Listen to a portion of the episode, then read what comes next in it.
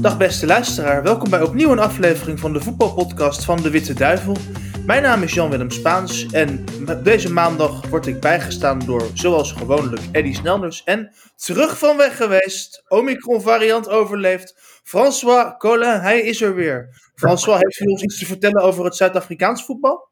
Um, heel weinig. Ik heb, uh, ik heb één wedstrijd op televisie gezien, namelijk uh, de Interland tegen Ghana, die ze verloren hebben met 1-0. En waar heel wat commotie was over uh, omkoperij van de scheidsrechter. Maar uh, dat is het enige wat ik gezien heb. Duidelijk. Nou, dan houden we het kort wat betreft Bafana Bafana. Het Belgisch voetbal. Ik geef François het woord. Dankjewel, uh, Jan-Willem. Eddie, ja, we kunnen er niet omheen. Hè. Het was een dramatische Europese campagne die vorige week afgesloten is. Inderdaad, heel dramatisch. De verwachtingen waren vrij hoog. Uh, en die is afgeknapt. Hè. Als je ziet, oké, Brugge, dat kon je verwachten. Brugge heeft het toch krap gedaan, vier punten al bij al. Oké, de insteek was wat moeilijker, omdat ze sterk zijn begonnen en daarna niks meer hebben gehaald. Maar al bij al was vier punten buiten verwachting. Dus dat daar een eliminatie was, dat was niet verwonderlijk.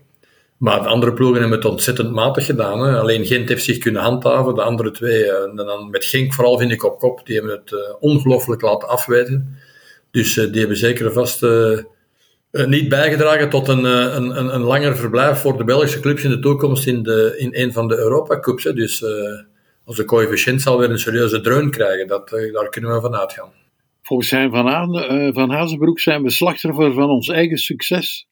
heb jij dat begrepen? Nee, wil je dat nog eens herhalen? Uh, hij heeft gezegd dat we slachtoffer zijn van ons eigen succes. Dat we het zo goed doen dat we rammel krijgen in Europa. Dat is mijn vertaling. Ja, dat is moeilijk. Uh, wilt hij zeggen dat uh, onze Belgische spelers zo gegeerd zijn op de buitenlandse markt door de talrijke successen op, op internationaal niveau dat wij die niet kunnen houden en dat ze daarna tegen ons gekeerd zijn? Ben nog eens aan het nadenken wat er voor de rest in die uitspraak kan zitten. Ik vind wel één ding, dat is uh, dat je ziet op welke manier Genk en ook Antwerpen uh, door die uh, poolrondes zijn gegaan, dat dat toch wel heel betreurenswaardig is. Dat er heel weinig weerstand is geweest, dat we op belangrijke momenten het laten afweten hebben. En dat we eigenlijk al bij al ja, met een hele magere oog zitten, oog zitten voor naar volgend jaar toe. Hè. En ja, meer kan ik er eigenlijk niet aan toevoegen. Ik vind het erg, je stelt ook de vraag van uh, alle ploegen hebben een, een verbrede kern van meer dan 30 spelers, maar tot wat dient dat als je die prestaties Europees levert? Heb je dat echt wel nodig en is er ook geen plaats voor wat jeugd dat kan doorstromen? Want altijd die tweede en vooral die derde rangs buitenlanders die aan een goedkoop loon bij ons in België kunnen komen voetballen, ja, dat draagt niet bij tot, het, uh, tot de kwaliteit van je competitie. en daarbij heb je nog een, uh, een trainersgilde die in principe België wordt geroemd om zijn strenge opleiding, maar uh, elke twee jaar studeren er zo'n veertigtal trainers af, denk ik. Ik zie er weinig van terug in onze eigen competitie. Dus ik denk, ja, waar blijft dat dan allemaal, die jeugd die zo geprezen wordt en die trainers die wij normaal gezien hebben om toch ons ploegen een beetje links en rechts te laten leiden. Dat zit er allemaal niet in. Het is, het is een, een diepe treurnis met, met veel ploegen, grijze ploegen, die ook waar de spelers ons ook niet heel veel meer van zeggen. Dus ik denk dat daar vooral een verandering zal moeten komen. Ja, we staan nu op de Europese ranking achter landen als uh, Schotland, Oostenrijk, Servië. Dat zijn landen waar minder geld in het voetbal uh, zit dan bij ons. Ja. Uh, als geld zo bepalend is, ja, dan is alleen de conclusie dat wij het heel slecht doen. Dan doen wij het heel slecht. Dat is maar één conclusie. Hè? Uh, iets anders kan je daar niet, uh, niet uit concluderen. Schotland heeft uh, met Celtic en met Rangers toch nog wat ploegen die meestal wat kans hebben om het verder door te stoten. in, in Servië heb je Rode Ster zeker, die nog zo nu en dan het is goed doet. in Oostenrijk, ja, zelfs Rapid Wien komt, komt winnen in, in Genk. Dus, die hebben nog Salzburg, dat normaal gezien altijd een garantie geeft op, op, op lange verblijf Europees. Dus die hebben toch nog altijd wel wat meer in die bepaalde ploegen dan dat wij hebben. Wij verwachten natuurlijk van onze ploegen ook zoiets, maar je begint meer en meer te denken dat wij onze eigen ploegen op dat gebied uh, serieus overschatten of uh, voorzichtig uh, niet te laag inschatten, wat altijd wel schrikken maar dat er dan wat tegenreactie komt. Maar uit de resultaten blijkt dat, we ze, dat de inschatting naar boven toe toch redelijk beperkt is. Ja, alle hoop is nu op de eigen competitie gevestigd, maar ja, dan zie je dat je wedstrijd zoals Antwerpen daar weer helemaal uit de klauwen loopt. Ehm, en dan krijgt de scheidsrechter weer de schuld. Ja, ik weet niet waarom de scheidsrechter daarin de schuld krijgt. Ehm, nu, de weken daarvoor uh, was het op de tribune. We hadden er twee ploegen die, uh, die enorm, uh, enorm geweld gebruikten, waardoor dat, de hele competitie weer al een slachtoffer was. Wat ik heel spijtig vond en, en ten zeerste betreurde, omdat alle uitploegen dan op een zeker moment dan gelijk werden beoordeeld, terwijl het eigenlijk de thuisploegen waren die toen volledig in de fout gingen. En nu heb je weer het, uh, is het niet in de tribune, is het nu op het, op het veld, wat er ook gezegd is, ik weet het niet. Ik zag wel zeker dat die enorm buiten zichzelf was getreden. Er zal waarschijnlijk wel iets gebeurd zijn. Maar ja, ik bedoel, ja, hoe moet je dat gaan inschatten? Als het niet op de tribune is, heb je ruzie op het veld zelf. En dat vind ik dan nog veel erger eigenlijk, want daar moet gevoetbald worden en daar mogen duels aangegaan worden. En voor de rest moet daar een voorbeeldfunctie zijn, dat je niet in mekaars haren vliegt bij de eerste de beste gelegenheid. En dat was gisteren op Antwerpen zeker vast weer het geval. Uh, jij was uh, op de Bosuil, die, uh, ik heb naar televisie gekeken. Ja, ik ook. Ik, was, ik heb het ook op televisie gekeken. Ik heb het oh, ook op televisie gezien. Ik, ik, had de indruk dat dat twee opgefokte ploegen waren. Ja, opgefokte ploegen. De eerste helft vond ik nu persoonlijk niet in het duel zelf dat, dat ze opgefokt. Oké, het was wat grimmig, maar Antwerpen standaard is over het algemeen altijd nogal aan de grimmige kant. Ook in het verleden was het al wel eens zo. Maar ik weet niet welke daar ineens het, uh, de, de, de, trigger was om, om, om half weg daar ineens zo uh, uit het dak te gaan. Dat, dat vond ik een beetje... Oké, okay, dat, dat je plaatsen daar... Uh, nog dat, dat akkefietje krijgt daar aan de zijlijn. Ja, dat is ook niet nodig, maar dat is een uitloper van het eerste gebeuren natuurlijk. Hè, want iedereen komt gefrustreerd het veld op 10 tegen 11. Iedereen voelt zich, vooral Antwerpen, voelt zich enorm verongelijkt. En ja, dan krijg je situaties die je natuurlijk beter niet hebt. En, en als voorbeeldfunctie kan alleen maar zeggen, van, hoe los je dat op? Want, want Belgisch voetbal staat al niet in het beste daglicht. Uh, eerst waren het probleem met de mondmaskers die niet werden gerespecteerd. Dan waren het de vuurpijlen en de blokkages van de wedstrijden vanuit de tribune uit. En nu ga je ook nog heel die wedstrijd naar de donder helpen door, door akkefietjes en serieuze akkefietjes op het veld zelf. Ik denk, ja, waar ligt de oplossing? Ik denk, iedereen zal wel bij elkaar moeten komen zeker. De Pro heeft al zoveel problemen, heeft al een oplossing moeten zoeken voor dat dat vorige probleem. En nu krijgen ze er eentje uit onverwachte hoek, want niemand had gedacht dat, dat op het veld zelf dat het, zo zou, uh, escaleren. Maar oké, je hebt twee ploegen tegenover elkaar. Antwerpen, ja, die, uh, die, die, vinden op het moment zelf dat ze, dat ze die wedstrijd naar zich toe moeten trekken. Dat lukt dan niet al te beste. Die, uh, die hebben dan natuurlijk een reputatie van, van harde contacten in werkvoetbal. Dat mag ook wel. Uh, standaard, ja. Voor standaard was bijna de kans van de laatste, was de laatste kans. Hè? Want al bij al, als je ziet, op moment moest standaard meer naar beneden kijken dan naar boven. Dat is niet de insteek waar dat standaard dit jaar voor gegaan is. Ja, dat was ook een, een wedstrijd van levensbehoud voor standaard zelf. Dus dan heb je twee ploegen die al wat geïrriteerd zijn. En heb je niet veel nodig om, uh, om het te laten uitbarsten natuurlijk. Club Brugge won voor de derde keer op rij uh, in de competitie, Eddie. Maar ja, vrolijk van hun voetbal werd je weer niet. Nee, en eh, vanaf eigenlijk eh, begin november, vanaf de confrontatie tegen Manchester City, of net daarvoor zelfs, uh, vanaf toen is het eigenlijk niet meer vrolijk gegaan. Nu moet ik zeggen, die twee wedstrijden tegen Genk, die waren wel vrij spectaculair, maar als je ze vanuit het oogpunt van Brugge zelf bekijkt, waren daar natuurlijk al wat fouten bij, want anders krijg je niet zoveel doelpunten tegen. Maar oké, daar heb je het dan nog gered, daar heb je de je competitie gered, daar heb je ook een deel extra kritiek bespaard voor jezelf. En dan ben je ook doorgegaan voor de beker, wat niet onbelangrijk was. Maar Brugge heeft vanaf toen eigenlijk geen constante meer in zijn prestaties kunnen leggen. Het is ook aanvallend was ook heel veel tegendoelpunten. Nu gisteren niet, maar het was tegen Zultewaardig en al was er op zeker moment weer een doelpunt tegen. Als ik van, kom het in godsnaam, uh, opnieuw Mignolet, die ik in het begin van de competitie zo geprezen heb, die opnieuw eigenlijk op een heel simpele manier in de fout gaat. Oké, hij wordt dan gered door de gong, door het, uh, door het buitenspel gebeuren, maar dat neemt niet weg dat hij daar opnieuw verkeerd zat. De, de overtuiging bij Brugge is altijd niet terug. Oké, ze is wel wat hersteld, omdat ze natuurlijk redelijk diep, diep zat na die oplawaai in Europees. Maar helemaal hersteld, helemaal met het vertrouwen dat nodig is om, om, een, om een kampioenschap aan te gaan, een kampioen te worden, dat is op dit moment nog zeker niet aanwezig. Nee. En wat is er eigenlijk aan de hand tussen Philippe Clement en Ruud Vormer? Ja, ik, ik weet niet wat er iets aan de hand is. Het is wel zo natuurlijk dat ze proberen onder controle te houden. In het begin heeft de pers dat wel proberen uit te spelen tegen elkaar, omdat er blijkbaar in het tussenseizoen wat afspraken zijn gemaakt tussen Ruud Vormer en tussen Clément, met het bestuur blijkbaar in zijn rug als steun.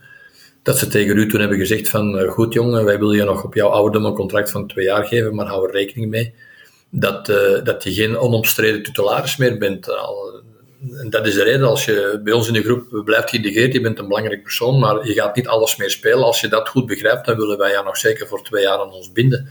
En die afspraken zijn toen gemaakt. Nu op een zeker moment vindt Clement dat uh, Ruud Vormer ja, niet toereikend meer, niet toereikend meer is op dat moment. Dus niet, niet de goede vorm heeft of, of uh, niet voldoende de, zijn positie kan invullen. En heeft hij hem een paar keer vervangen. In het begin is dat met wat uh, ja, hilariteit gepaard gegaan. Hebben erin dat ze daar nu verstandiger in zijn geworden. Maar dat blijft natuurlijk altijd een beetje een, ja, een twistpunt natuurlijk. Hè. Moet hij spelen, moet hij niet spelen. Als hij een paar keer gespeeld is goed, ga je hem er toch terug uitnemen. Ja, is dat, is dat verstandig? Voor Clément blijkbaar wel, want hij bepaalt natuurlijk wie wel en wie niet speelt en wie in aanmerking komt voor bepaalde functies.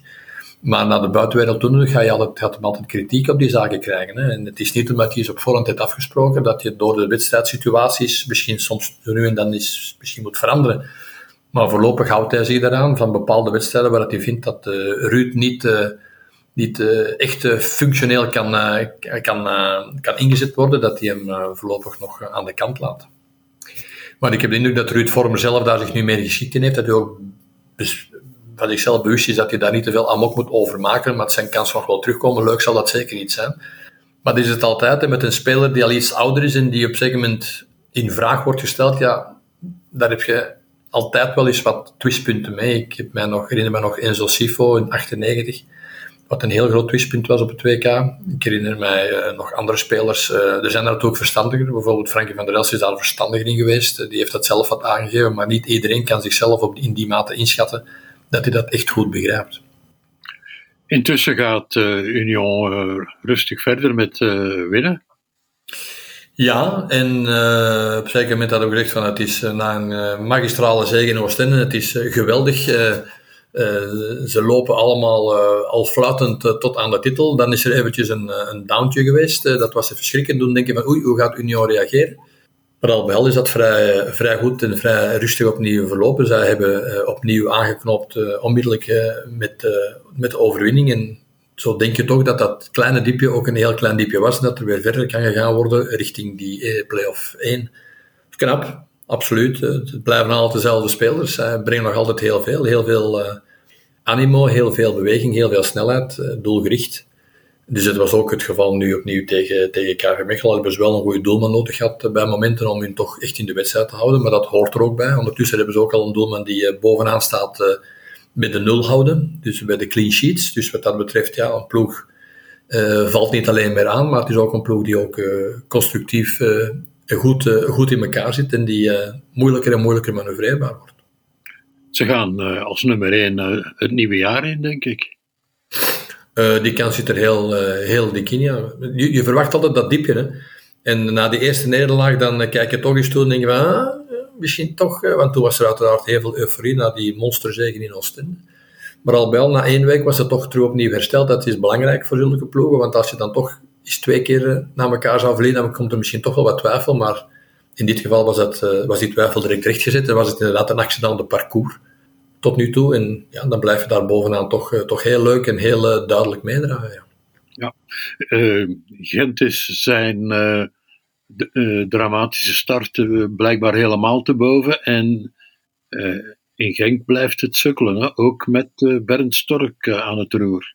Ja, natuurlijk voor Bernd Stork op zich is het nog niet zo erg. Hè. Die heeft wel wat privileges, die kan nog wel eventjes voet. Oké, okay, tijd heeft hij niet heel veel, gezien de ambitie van Racing Genk, maar ik verwacht nu toch Genk niet, als ze nu tussen nu en twee, drie weken nog, nog wat punten verliezen, dat, dat, ze Stork opnieuw op straat gaan zetten. Dus die wil iets uh, helemaal nieuw introduceren, die wil de powerplay introduceren.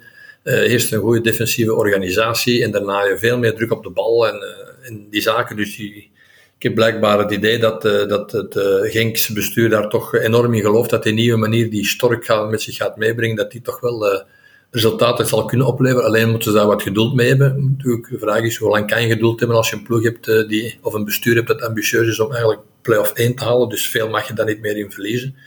Maar Stork zelf zit op dit moment, vind ik, nog in een vrij comfortabele situatie. Dat hij nog altijd kan zeggen van goed, uit het verleden uit zijn we niet aan het werken en en we gaan er wel geraken, dus die heeft nog wel een paar weken.